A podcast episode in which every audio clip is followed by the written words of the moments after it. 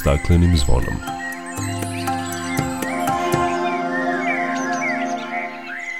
Dobar dan i dobrodošli na Zeleni talas prvog programa radija Radio Televizije Vojvodine. Ja sam Dragana Ratković. U Dubaju je završena godišnja konferencija o klimi. Čućete kakav dogovor su postigle zemlje učesnice i oko čega su se sporile. Govorit ćemo i o novoj evropskoj direktivi koja treba da poboljša efikasnost krivičnog gonjenja u borbi protiv najtežih zločina koji mogu imati posledice po životnu sredinu i zdravlje ljudi, o tome koliko veštačka inteligencija u praksi može poboljšati stanje životne sredine. Biće reči i o jesenjoj akciji sakupljanja kabastog otpada u Subotici, o sadnji drveća za novi park u Futogu, kao i o zelenim krovovima na autobuskim stajalištima u Zrenjaninu koje su postavili učenici Zrenjaninske gimnazije. O najavljenom više nakon pozdravne pesme. Dok priroda vladarskim svojim tronom. Tužno vele narikače pod staklenim nismo zvonom. Znaj vazduha više nema Sve manje je i ozona. Protiv sebe ide čovek i to često bez pardona uništenju živog sveta Kao da su ljudi skloni Čovek sam je sebi meta Zbog njega ovo zvono zvoni Uništenju živog sveta Kao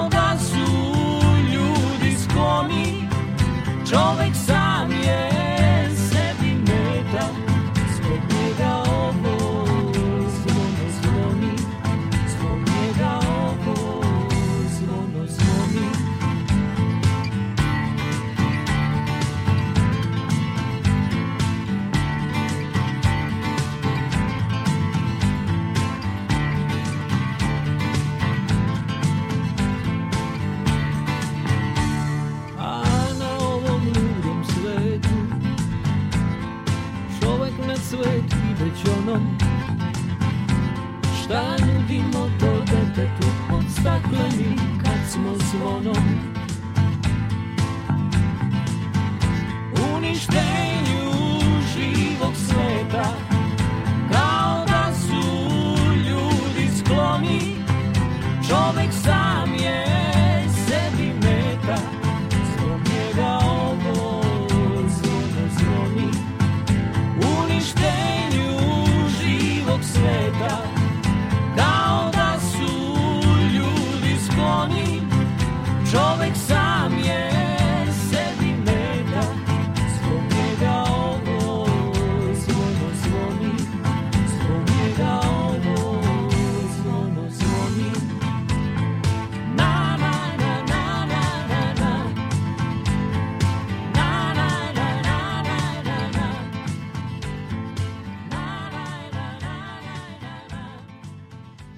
Protekle sedmice u Dubaju završen je samit Ujedinjenih nacija COP28 usvajanjem sporazuma kojim se države pozivaju da pređu sa fosilnih goriva na druge energente kako bi sprečili najgore efekte klimatskih promena. Ni ova konferencija o klimi nije protekla bez žustrih rasprava i do samog kraja nije se znalo da li će i kakav dogovor biti postignut. Kakav konsenzus su postigle zemlje učesnice COPA 28 i oko čega su se sporile, o tome sam razgovarala sa klimatologom Vladimirom Đurđevićem. Šta je to bilo sporno, oko čega su se vodile žustre rasprave i kakav konsenzus je postignut? Sporno je bilo kako će da se iskomunicira implementacija Parijskog sporazuma. Znamo da u Parijskom sporazumu je postavljen cilj da globalna temperatura treba da ostane znatno ispod 2 stepena u smislu njenog porasta. Znači, danas je planeta topli 1 stepen, ali bismo trebali da zaustavimo taj proces globalnog zagrevanja i da temperatura ostane značajno ispod 2 stepena. Najbolje bi bilo da bude čak ispod granice od 1,5 stepeni i to je cilj sporazuma, ali da bismo taj cilj ostvarili, svi znamo da trebamo da napustimo fosilna goriva do 2050. godine, znači da 2050. godine ne koristimo više ugalj, naftu i gas da bismo proizvodili energiju kad se usvaja granica sa temperaturom, to je nekako možda lakše usvojiti kao cilj, ali kad treba da se napiše da ćemo napustiti posebna goriva u budućnosti, to je onda malo teže, zato što mnoge zemlje sveta, nažalost, i dalje ne planiraju da napuste ove izvore energije, posebno zemlje koje imaju velike finanske dobitke od eksploatacije, prodaje, izvoza i korišćenja ovih energenata kao što su baš Ujedinjeni Arabski Emirati, recimo, ili Australija. Tako da zemlje nisu i dalje spremne da usvoje tu rečenicu da će fosilna goriva biti napuštena, ali su spremne da usvoje rečenicu u se kaže da ćemo ući u, u proces tranzicije u okviru koga ćemo da, da napuštamo ili da umanjujemo količinu korišćenih energenata, tako da to opet ostavlja prostora da se tumači na različite načine, jer niko ne iskazuje direktnu opredeljenost da napusti, nego više da proba da napusti, pa kao ako nam ne bude išlo napuštanje u budućnosti, onda ćemo da vidimo šta, kako ćemo da, da pristupimo ovom problemu. Tako da u tom smislu većina ljudi koji više godišnje već prati ovaj događaj, iako su možda zadovoljni što se reč posebna goriva pojavljuje u samom dogovoru i u samom zaključku nisu zadovoljni što opet nije postojala ta čvršće izražena opredeljenost o njihovom napuštanju, nego više o, o nekom, da kažem, adresiranju toga da, da trebamo da težimo da ih napustimo. Tako da to nije neuobičajeno za ove sastanke. Obično se često vodi velika bitka oko samog rečnika, pošto taj rečnik koji se koristi na kraju može da ostavi neke nedumice i neke sive zone u kojima svako manje više odlučuje šta će da radi, da će da bude zaista, da kažem, odlučan u smislu implementacije određenih mera ili će ipak malo da ima neke zadrške da sačeka još malo vremena pa da se odluči da li će da napušta fosilne gorive ili ne. Da, ono što je još primetno u, u tom dokumentu takođe nema jasnog obavezivanja što se tiče uglja, nafte i gasa. Zemlje se ne obavezuju da s vremenom sasvim odustanu od upotrebe fosilnih goriva upravo to da zemlje koje su se protivile takvoj formulaciji da se definitivno odlučuju da u narednih 30 godina napuste ugalj, naftu i gas su na kraju uspele, tako da ne postoji rečenica koja eksplicitno ukazuje na to da su zemlje spremne da zaista u narednih 30 godina ne koriste više ova fosilna goriva. Već ostavlja se taj mala vrsta nedoumice ili neke sive zone u kojoj se kaže da eto svi ćemo mi to da probamo da uradimo, ali niko ne garantuje da će to uradi. Ono što su da kažem, čvršći pregovarači zahtevili jeste da sve zemlje garantuju da će napuste fosilna goriva, ugalj, nafta i gas. U, u tom smislu, kažem opet, oni koji duže prate i očekuju više od ovih pregovora su malo razočarani tim ishodom. Ali s druge strane ima puno njih koji su zadovoljni zato što se fosilna goriva uopšte ispominju, pošto su sad i ugalj, nafta i gas uglavnom izbegavano. Na prethodnim sastancima izbegavano je da se direktno oni adresiraju, znači da se direktno određeni ciljevi pozivaju na njihovo manjeno korišćenje nego se uglavnom su zaključci išli prema tome da trebamo da zaustavimo porast temperature, da trebamo da smanjimo naše emisije gasova sa efektom stakle bašte na ovaj ili onaj način, ali se izbegavalo da se uopšte koriste reči ugalj, nafta i gas i ovo je jedan od prvih tih dokumenta u, kom, u kojoj se te reči pojavljuju dokumentu što neki smatraju uspehom, ma koliko to banalno zvučalo, ali verovatno jeste, jeste neka vrsta uspeha pošto je to bila neka vrsta zabranjenog rada u klimatskim pregovorima, da se priča o, o fosilnim gorivima eksplicitno. Da pazi se na svaku reč koja je uneta u taj završni dokument, ali ono što je većina delegata potpisalo u završnom dokumentu, to je inicijativa obnovljivim izvorima energetskoj efikasnosti. Jeste, plan je da se u narednih deseta godina utrostruči proizvodnja energije iz obnovljivih izvora i da se za 50% poveća energetska efikasnost, što su vrlo važni ciljevi. Ali oni su opet na neki način blaža varijanta onoga što su svi očekivali, a to je ta odlučnost u napuštanju fosilnih goriva, zato što svi očekujemo da ćemo u budućnosti koristiti više energije nego što koristimo danas, tako da samo povećanje obnovljivih izvora ne znači u stvari prestanak korišćenja fosilnih goriva, što trenutno vidimo, jer trenutno u svetu proizvodnje iz obnovljivih izvora dramatično raste, ali i dalje rastu i emisije gasova sa efektom staklene bašte zato što se i dalje koristi ugalj i nafta i gas da bi se proizvodila energija. Ukupna energija koja nam je potrebna danas je veća nego što je bila pre 10 godina. To povećanje potrebe za energijom je uglavnom danas nadomešteno iz obnovljivih izvora, ali s druge strane i dalje imamo velike emisije iz fosilnih goriva, tako da usvajanje zaključka, da kažem, ili predloga o povećanju korišćenja obnovljivih izvora energije ne znači smanjenje emisija i to je sad opet malo da kažem, ta zavrzlama pregovaranja šta vi u stvari stvarno, stvarno hoćete. A svi znamo da ono što nam treba da bismo ispunili Parijski sporazum jeste da nemamo nikakve emisije, odnosno da prestanemo da koristimo ugalj, naftu i gas. Da, kada govorimo već o energentima, delegati su u tom završnom sporazumu podržali hvatanje emisije ugljenika, tranziciona goriva i nuklearnu energiju i tu je bilo dosta kontraverze. Da, najviše zbog toga zato što tehnologije koje služe za hvatanje i odlaganje ugljenika iz atmosfere i dalje nisu potvrđene, posebno ne na tim industrijskim razmerama. Takva postrojenja postoje više u nekom eksperimentalnom obliku, ali nijedna zemlja i dalje nema postrojenje koje industrijskih razmera i koje konstantno radi da bi uklonila emisiju ugljenika. Znači, nijedna termoelektrana nema takvo postrojenje na svetu koje omogućava da ta elektrana ne emituje ugljen dioksid u atmosferu, nego da ga šalje u neki podzemni rezervoar ili već neki drugi način da ga skladišta.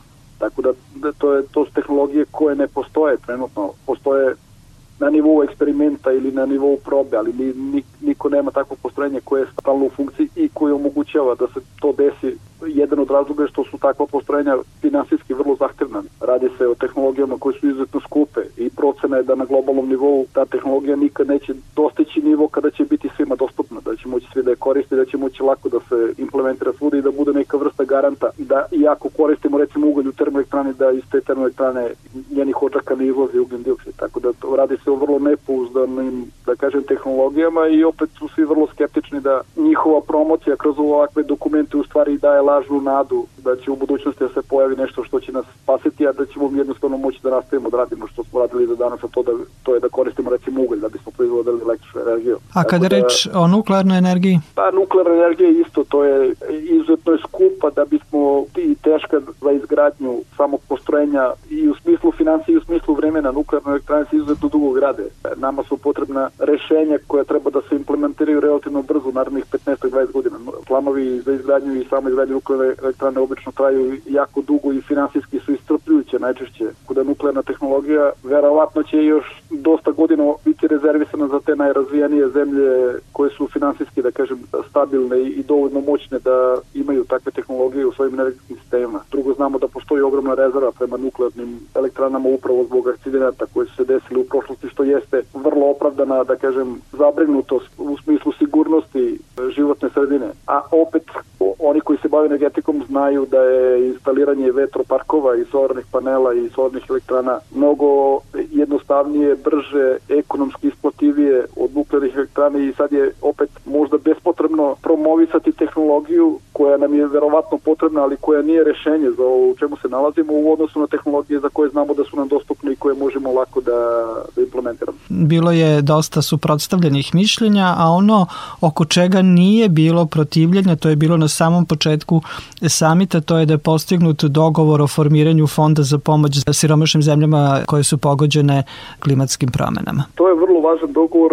Jedini je problem što vidimo da neki fondovi koji su osnivani da nisu baš funkcionisali na način kako je bilo predviđeno. Tako da obično ti fondovi nisu zaživeli u obimu u kome je planirano. Tako da i danas što se tiče ovog novog fonda koji treba da služi za nadoknadu tih šteta, malo se postavlja pitanje kako će funkcionisati taj fond, ali u svakom slučaju bolje da je pokrenut osnivanje tog fonda nego da tog fonda nema. Novi problem koji se pojavio, da kažem, umeđu vremenu zato što se klimatskim promenama nisu bavili na vreme, jeste taj što neke zemlje već trpe gubitke koji su nenadoknadivi. Znači jednostavno ne možemo sad ni prilagođavanjem na klimatske promene, niti nekim drugim procesom da vratimo ono što je izgubljeno. Dakle, summit u Dubaju je završen konsenzusom koji na neki način možemo reći nije postigao ono što se očekivalo, ali ipak je postignut izvestan napredak, kako tako možemo da kažemo. To je najbolji zaključak i zaključak koji uglavnom važi za većinu ovih sastanaka koji se dešavaju svake godine tiču se klime. Znači ipak i dalje ostajemo u tom scenariju u kome se prave pomaci, ali oni nisu na neki način dovoljni da bismo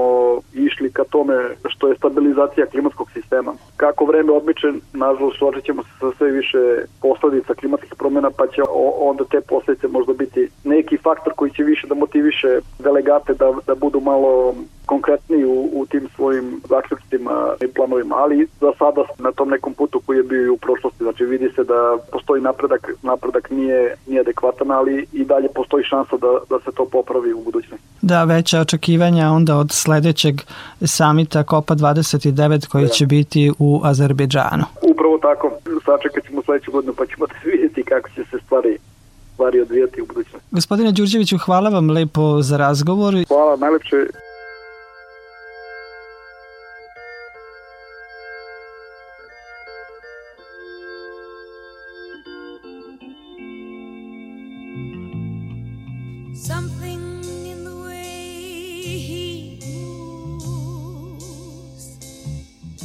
attracts me like no other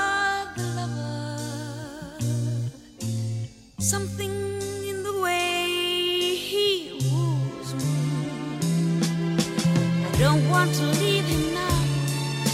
You know I believe in how. Somewhere in his smile he knows that I don't need no other lover. Something in his style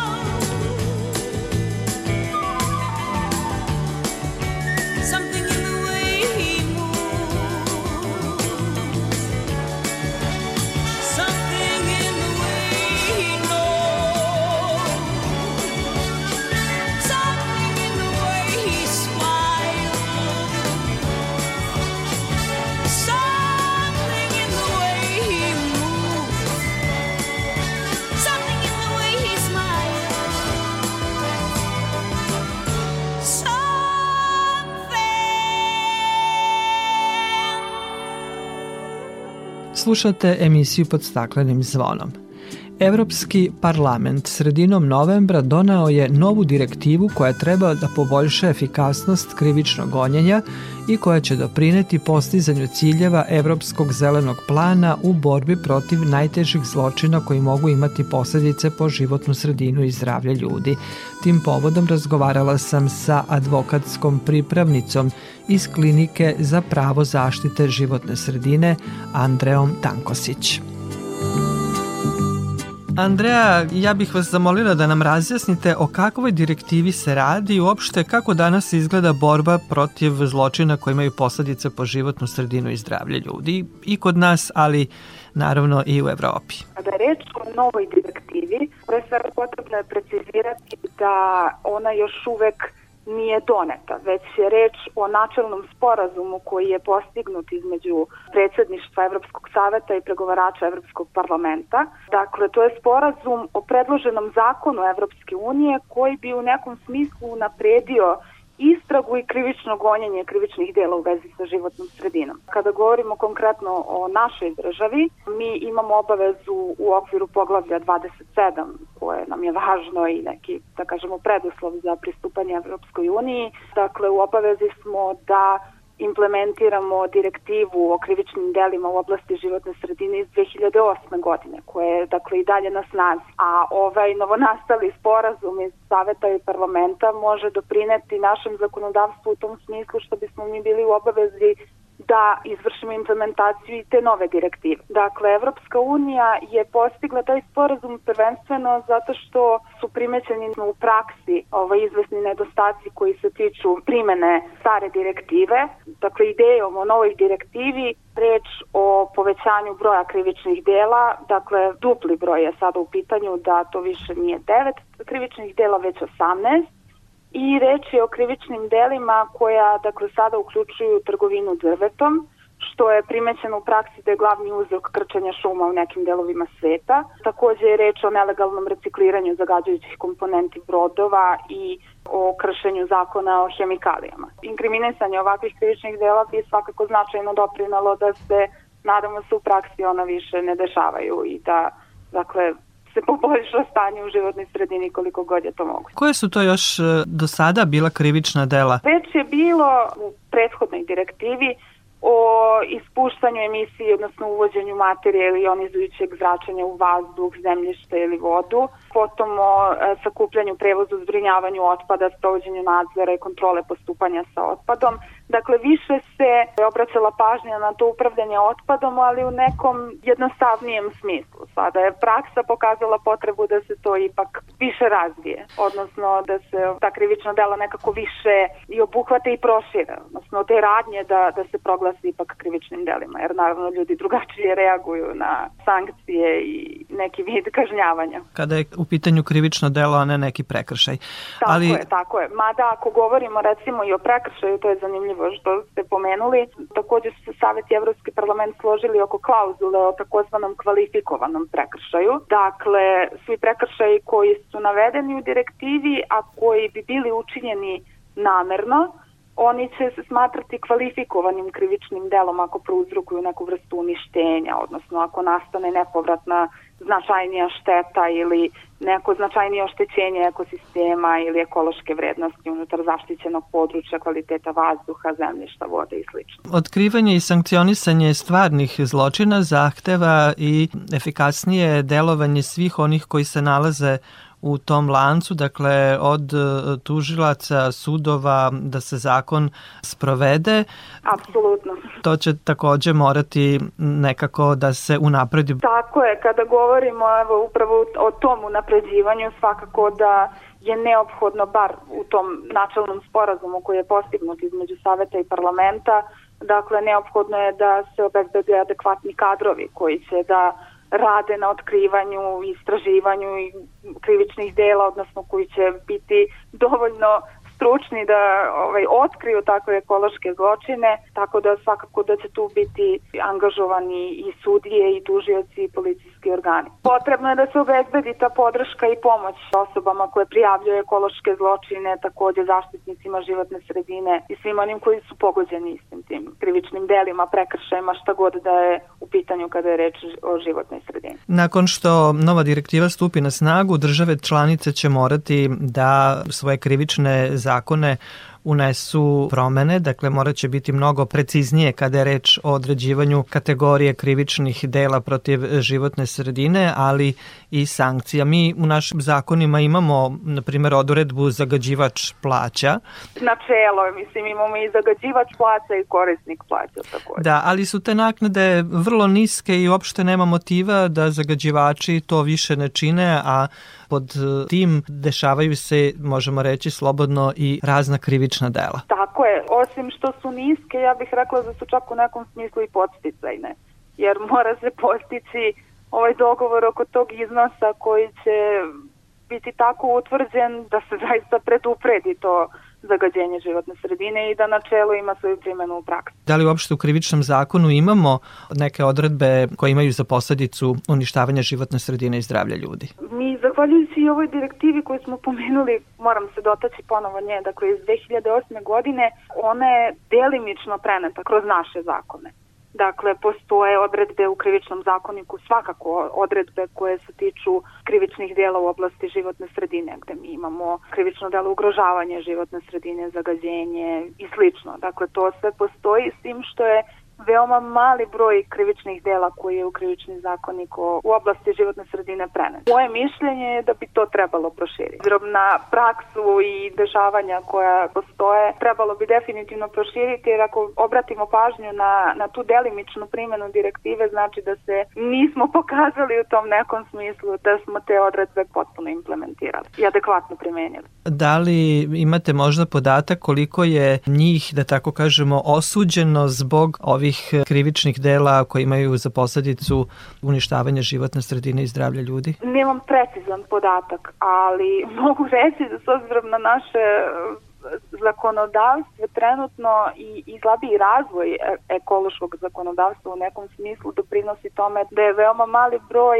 kadrova koji razumeju značaj ekoloških krivičnih dela i samim tim donošenja nekih osuđujućih odluka u tom smislu, odnosno sankcionisanja na, na samom kraju. Nadamo se da će ova nova direktiva dati jedan novi pravni okvir koji će pomoći da teški zločini protiv životne sredine ne prođu nekažnjeno i da će sankcije biti takve da nikome možda ne padne na pamet da takva dela i čini. I mi se tome nadamo, radimo sve što je u našoj moći, onoliko koliko je moguće, da doprinesemo nekom boljitku i životne sredine i zdravlja ljudi da ipak krene u nekom normalnom, lepšem pravcu.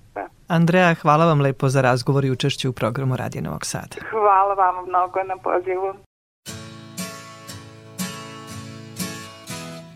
Darling, I'm feeling pretty lonesome. I'd call you on the phone some, but I don't have a dime. Darling, you're so far behind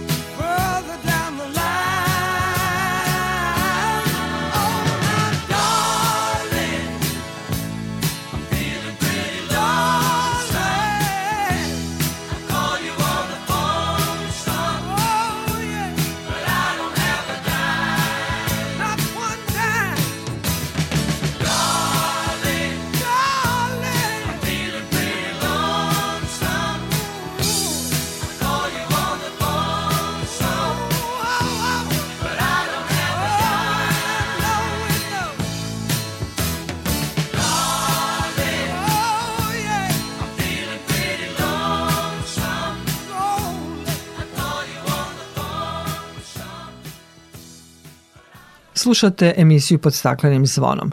Samo na prvi pogled veštačku inteligenciju kao novi segment IT tehnologija ne možemo povezati sa zaštitom životne sredine i ekologijom uopšte koliko se njenom upotrebom u praksi može poboljšati stanje životne sredine i koje su njene prednosti u ovoj oblasti, o tome je sa rukovodiocem grupe za zelenu primjenu veštačke inteligencije u Istraživačko-razvojnom institutu za veštačku inteligenciju Srbije Milanom Stojkovićem razgovarao Vlado Matijević. Veštačka inteligencija vrlo ekspanzivno preuzima primat u IT tehnologijama i dobija vrlo značajnu ulogu u upravljanju sistemima u raznim sferama privrede i društva, Nas iz oblasti prirodnih nauka, ekologije i zaštitne životne sredine konkretno zanima koliko se upotrebom veštačke inteligencije može doprineti poboljšanju stanja životne sredine. Možete nam navesti neke primere. Pa prvo rekao bi da su glavni pokretači primjene veštačke inteligencije u oblasti e, životne sredine e, veliki broj podataka koji se kolektuje sa brojnih senzora. Ti senzori uključuju hidrološka merenja, hidrološke stanice, meteorološke stanice, stanice za e, kontrolu kvaliteta površinske vode, ali i stanice za kontrolu kvaliteta vazduha. Pored njih, da kažem, imamo i dostupne satelitski osmotrene podatke. Ovi podaci omogućavaju daljim njihovim analizama, pružaju nam saznanja o stanju životne sredine na većim prostornim skalama, pa tako možemo na osnovu njih zaključiti recimo koji je rasprostranjenost snežnog pokrivača u rečnom slivu ili koja je e, vlažnost e, rečnog sliva.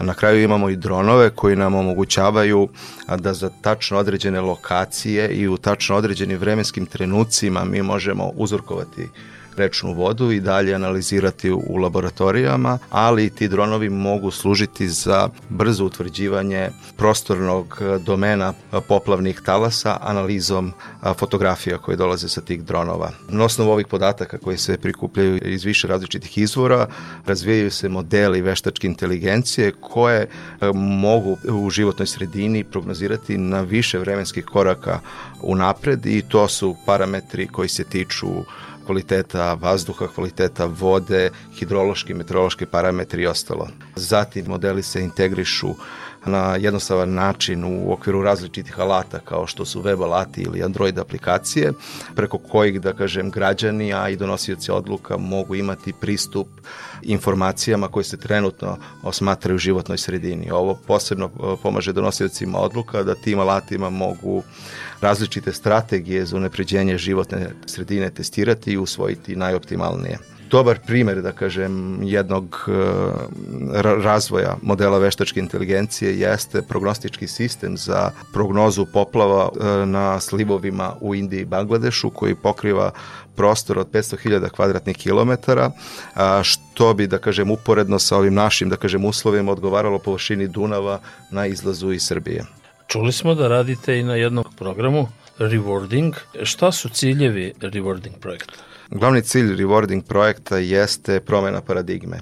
Da merenja koje se tiču kvaliteta površinskih voda, a koje su ograničena i po prostoru i po vremenu, a ujedno su, da kažem, i skupa jer se analize sprovode u laboratorijama, zamenimo senzorima koji bi pratili kvalitet e, površinske vode u realnom vremenu, a koji bi dodatno bili dopunjeni informacijama koje dolaze sa dronova, koji bi, da kažem, uzorkovali površinsku vodu ne u tačkama gde su postavljeni senzori, e, nego duž rečnog toka, gde bi mi, da kažem, onda stekli utisak kakav je kvalitet rečne vode duž rečnog toka paralelno sa infrastrukturom za prikupljanje podataka, mi razvijamo modele veštačke inteligencije koje će koristiti te podatke za predikciju kvaliteta vode kako na mernom uređaju, tako da kažem i duž celog toka i projekat se implementira na prostoru od Novog Sada do Zemuna na, na Dunavu. Ko su učesnici ovog projekta i ko pruža finansijsku podršku? Nosilac projekta je Fakultet tehničkih nauka, a učesnik projekta je Institut za veštačku inteligenciju Republike Srbije. Projektom rukovodi profesor Dejan Vukobratović, dok projekat finansira i podržava Fond za nauku Republike Srbije tokom dvogodišnjeg istraživanja. Na koji način je istraživačko-naučni institut za veštačku inteligenciju Srbije uključen u program? Istraživačko-razvojni institut za veštačku inteligenciju ima više struku ulogu. Jedna od bitnih uloga jeste, da kažem, dizajn i implementacija ovog mernog sistema za kontrolu kvaliteta vode u realnom vremenu, a druga uloga jeste razvoj modela za predikciju kvaliteta površinskih voda i tu bi da kažem napomenuo da razvijamo rekurentne neuronske mreže za prognozu kvaliteta vode na samomernom uređaju, dok se grafno orijentisanim neuronskim mrežama bavimo kako bi stekli prostorni uvid o, o kvalitetu rečne vode duž ove izabrane rečne deonice na Dunavu. A što bi to bili očekivani rezultati e, ovog rewarding programa? Očekivani rezultati dele se, da kažem, u više kategorija. Prvo, institut je već podneo e, određen broj radova međunarodnim časopisima u oblasti zaštite životne sredine, kao i jedan patent u kome institut ilustruje razvoj modela veštačke inteligencije za prognozu kvaliteta rečne vode. Plan je da se nastavi sa ovakvim aktivnostima, da institut i dalje bude prisutan u međunarodnim časopisima, ali da budemo prisutni na značajnim međunarodnim konferencijama koje se tiču primene veštačke inteligencije i rezultat e, je i praktične prirode. Zapravo po završetku projekta biće formiran sistem za prikupljanje podataka i sistem za predikciju kvaliteta vode na pomenutom pilot području na reci Dunav. Praktično vi ste odgovorili na moje pretposlednje pitanje, koji su planovi nakon okončanja ovog programa? Nakon okončanja ovog projekta, partneri na projektu imaju plan da zajedno sa partnerom iz industrije provedu komercijalizaciju rešenja koje nastaju u projektu na način da se ovo pilot područje zameni, da kažem, većim rečnim tokovima, kao što su reka Dunav, reka Tisa, reka Sava, i da kažem ovaj plan trebao bi takođe da podrži Fond za nauku Republike Srbije u okviru te treće godine finansiranja. I sada za kraj, koje bi to bile primene vaših istraživanja vezano za zaštitu životne sredine, da nam navedete neke primere? Pored ovog projekta, institut je aktivan na više projekata, neki su aktivni, neki očekujemo da postanu aktivni u budućnosti i možda je najznačajniji twinning projekat gde ćemo uz pomoć sredstava Evropske unije probati da razvijemo modele za predikciju poplava u urbanim sredinama. Paralelno sa tim modelima integrisat ćemo tehnička rešenja inspirisana prirodom sa ciljem da se umanje štetno dejstvo od velikih voda, a ujedno da se poboljša i kvalitet tih voda. A sve to uzimajući u obzir promenu klime i veće intenzitete padavina koje smo imali prilike da vidimo i ove godine u Novom Sadu. Mislim da smo u jednom našem razgovoru pomenuli te, ja ih tako nazovem, sonde koje će biti instalirane u Beogradu, odnosno u Zemunu, u Dunavu, ili tako, i, i u Novom Sadu. I na koji način će one biti napajane električnom energijom? Pa one će se napajati solarnom energijom i bit će samo održive. Tako da i to jedan vid zaštite životne sredine i uopšte očuvanja akumulirane energije. Svaka upotreba solara svakako svakako pozitivna stvar. Milane, hvala na ovom razgovoru i drago nam je što ste bili gost prvog programa radija, Radija Novog Sada, Radio Televizije Vojvodine. Hvala vama na pozivu.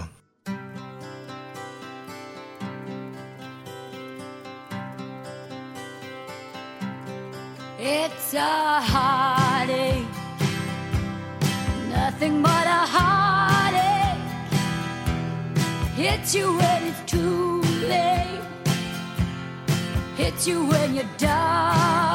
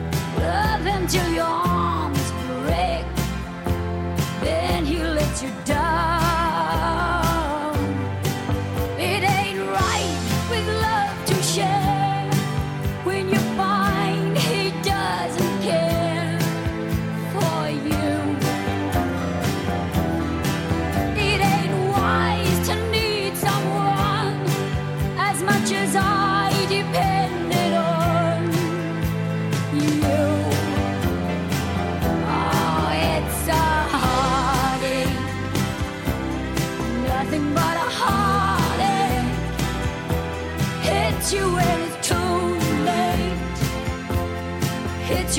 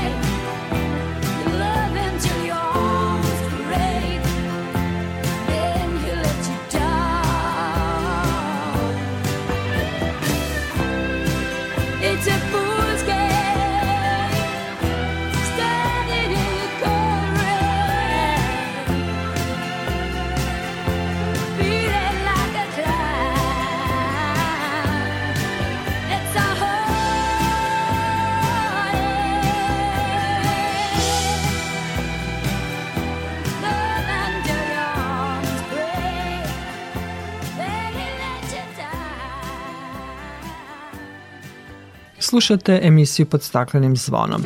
Iz subotičkih domaćinstava u tradicionalnoj jesenjoj akciji koje je sprovelo javno komunalno preduzeće Čistoće i zelenilo odneto je 930 tona kabastog otpada. Cilj akcije je bio da taj otpad završi na gradskoj, a ne na nekoj divljoj deponiji. O tome je sa rukovodiocem radne jedinice za planiranje i razvoj u tom komunalnom preduzeću Nikolom Jovičićem razgovarao Kristijan Takač. Jesenjom akcijom odvoženja kabastog otpada obuhvaćene su sve gradske i prigradske mesne zajednice na teritoriji Subotice, ukupno njih 34. Akcija je trajala oko dva i po meseca i završena je prošle nedelje. Posađeno je i odnešeno je oko 830 kontejnera zapremljene 5 metara kubnih, što iznosi negde oko 930 tona prvenstveno kabastog otpada. Pored tog kabastog otpada bilo je ostalo kućnog smeća, ali glavni cilj ove akcije, kao što ste rekli, je da taj otpad ne završi u nekoj divljoj deponiji, u nekoj šumi, u nekom kanalu, u nekom jezeru i na taj način da dopri- doprinesemo zaštiti životne sredine. U jesenjoj akciji je sakupljeno oko 10 do 15% manje otpada nego u istoj akciji koju nadležno preduzeće sprovodi tokom proleća. Tome je svakako doprinala podela tipskih zelenih kanti u svim gradskim i vangradskim mesnim zajednicama. Podela kanti, ali druge boje, nastavlja se i naredne godine.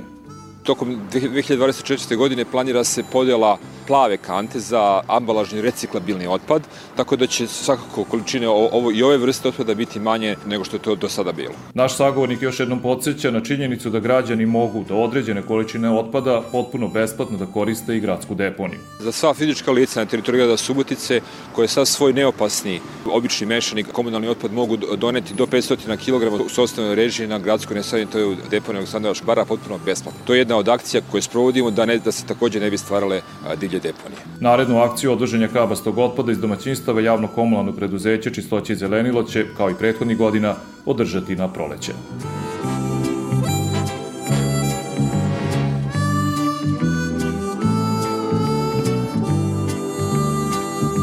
U okviru akcije ozelenjavanja đaci iz osnovne škole Miroslav Antić u Futogu krajem novembra posadili su drveće o kojem će brinuti narednih godina. Čujmo šta kaže inicijatorka akcije učiteljica Snežana Milovac. Jedna velika livada koja je bila nefunkcionalna, nije koristila ničemu, čak ni deca nisu zalazila tu. Tako da je to bio prostor koji nije bio iskorišćen. Moja ideja je bila da se uključimo u održivi razvoj onako kako mi možemo. Mi smo jedna mikrosredina, mi smo jedna mala škola, ali su tu deca uzela veliko učešće. Od prvog do osmog razreda svi su posadili po jedno stablo, svi su zdušno učestvovali, roditelji su nas podržali, moram da kažem i finansijski su nas podržali. Prikupili smo novac od svakog učenika, kupili sadnice, učestvovalo je Mnogo institucija, posebnu zahvalnost duguje moje bivšoj učenici Milici Ivanišević, koja je odradila ozbiljan elaborat ovog parka, koja je ovde doprinila da bude 26 različitih stabala koja prate godišnja doba, od cvetanja, listanja do promene boja. 30. novembra je ovaj park rođen. Nekako se ustalilo ime Naš park. I zaista čini mi se da je pravi naziv Naš park, jer smo svi u njemu učestvovali. Budući projekat, buduća letnja učionica, buduće igralište, uživanje, ne samo za učenike škole, već će tu sigurno sam doći i neka baka, neka mama sa svojom bebom. Obezbedili smo kante za smeće, obezbedili smo klupe, obezbedili smo stabla za učionicu. Svako odeljenje vodi računa o svom stablu, oni znaju gde su posadili stablo, njihov zadatak je da ga obilaze, zalivaju, posmatraju. Ono što će zaista u buduće biti jeste i da se upoznaju sa osobinama tog stabla, da učestvuju u jednom malom konkursu najuspešniji pano, poznaješ li svoje stablo. Ovaj projekat nije se ovde završio, ovde tek počinje. Ono što je meni bio cilj jeste da se ova deca osveste koliko je priroda nama potrebna. E, mi ne možemo da spasemo planetu, ali mi možemo da uradimo ono što mi možemo, a to je da čuvamo ovo što imamo.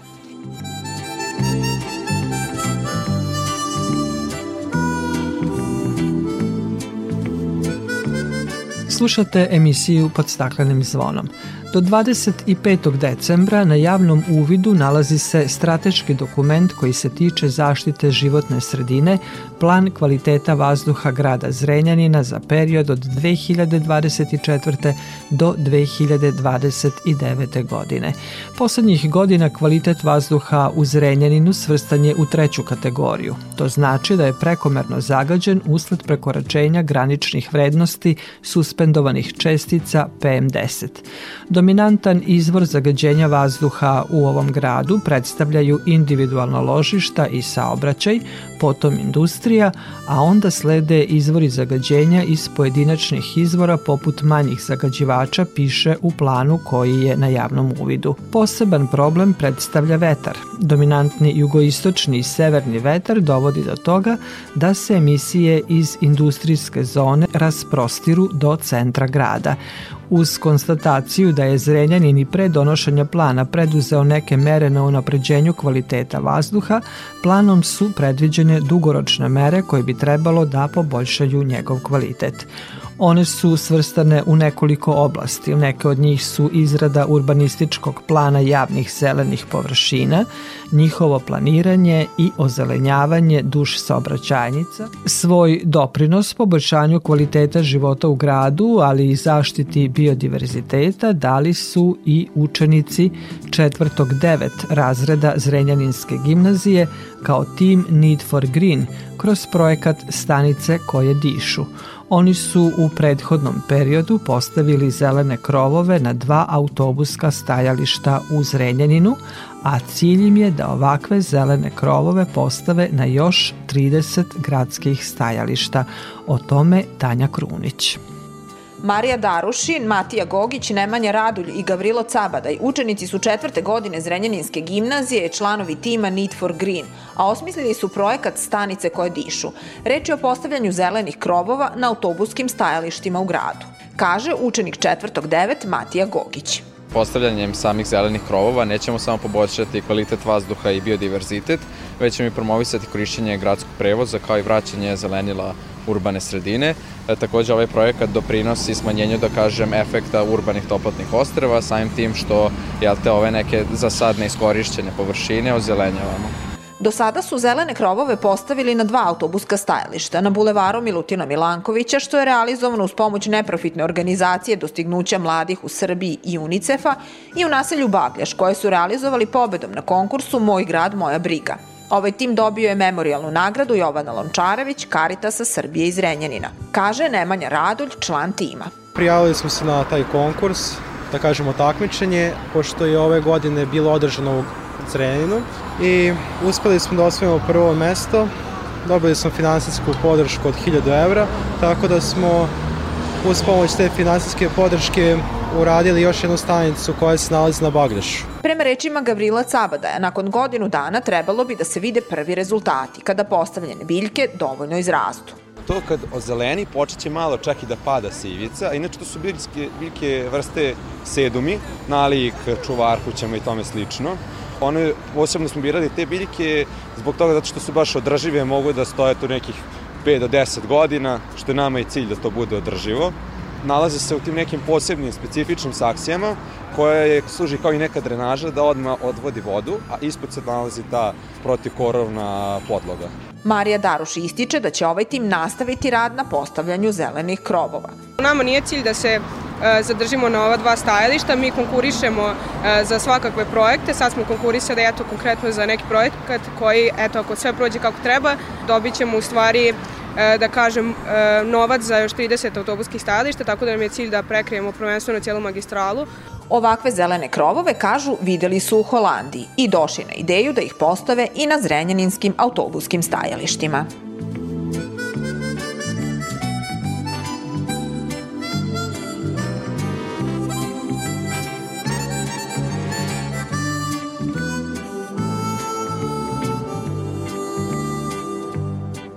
Toliko u ovom izdanju emisije pod staklenim zvonom koju možete slušati i odloženo na podcastu Radio Televizije Vojvodine na adresi rtv.rs. Emisiju realizovali Sabina Nedić, Violeta Marković, Iboja Šanca, Maja Tomas i Dragana Ratković. Naredni susret zakazujemo za sedam dana u isto vreme na zelenom talasu prvog programa radija Radio Televizije Vojvodine.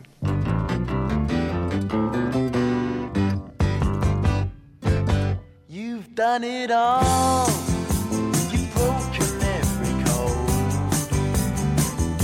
Appalled the rebel to the floor. You spoke the game, no matter what you say. But only metal, what a bore.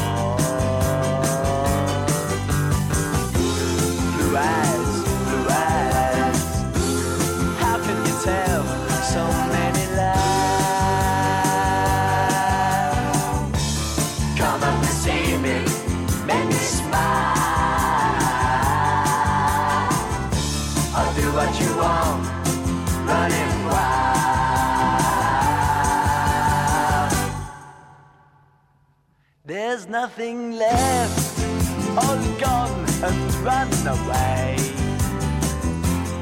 maybe you'll tarry for a while. It's just a test, a game for us to play. Win or lose, it's hard to smile.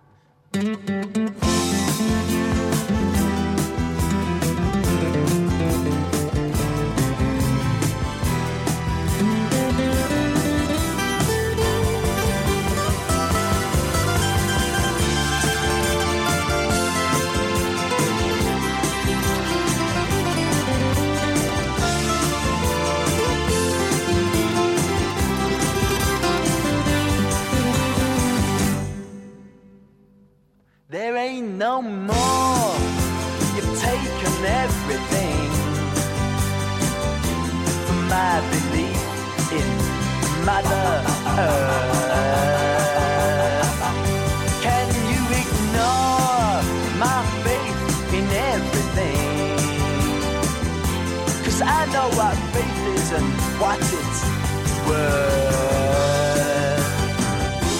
Away, away and don't say maybe you'll try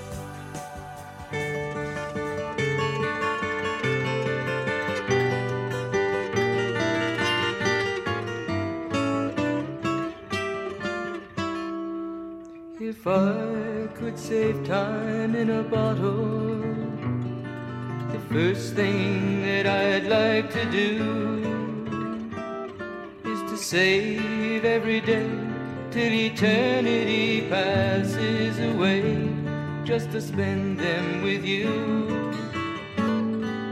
If I could make days last forever if words could make wishes come true, I'd save every day like a treasure, and then again I would spend them with you. But there never seems to be enough time to do the things you want to do once you find them.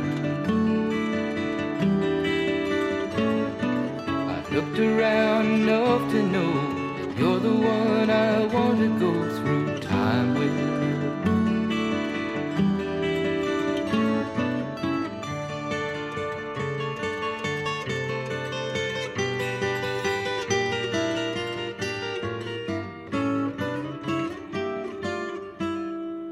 If I had a box just for wishes and dreams that had never come true the box would be empty except for the memory of how they were answered by you.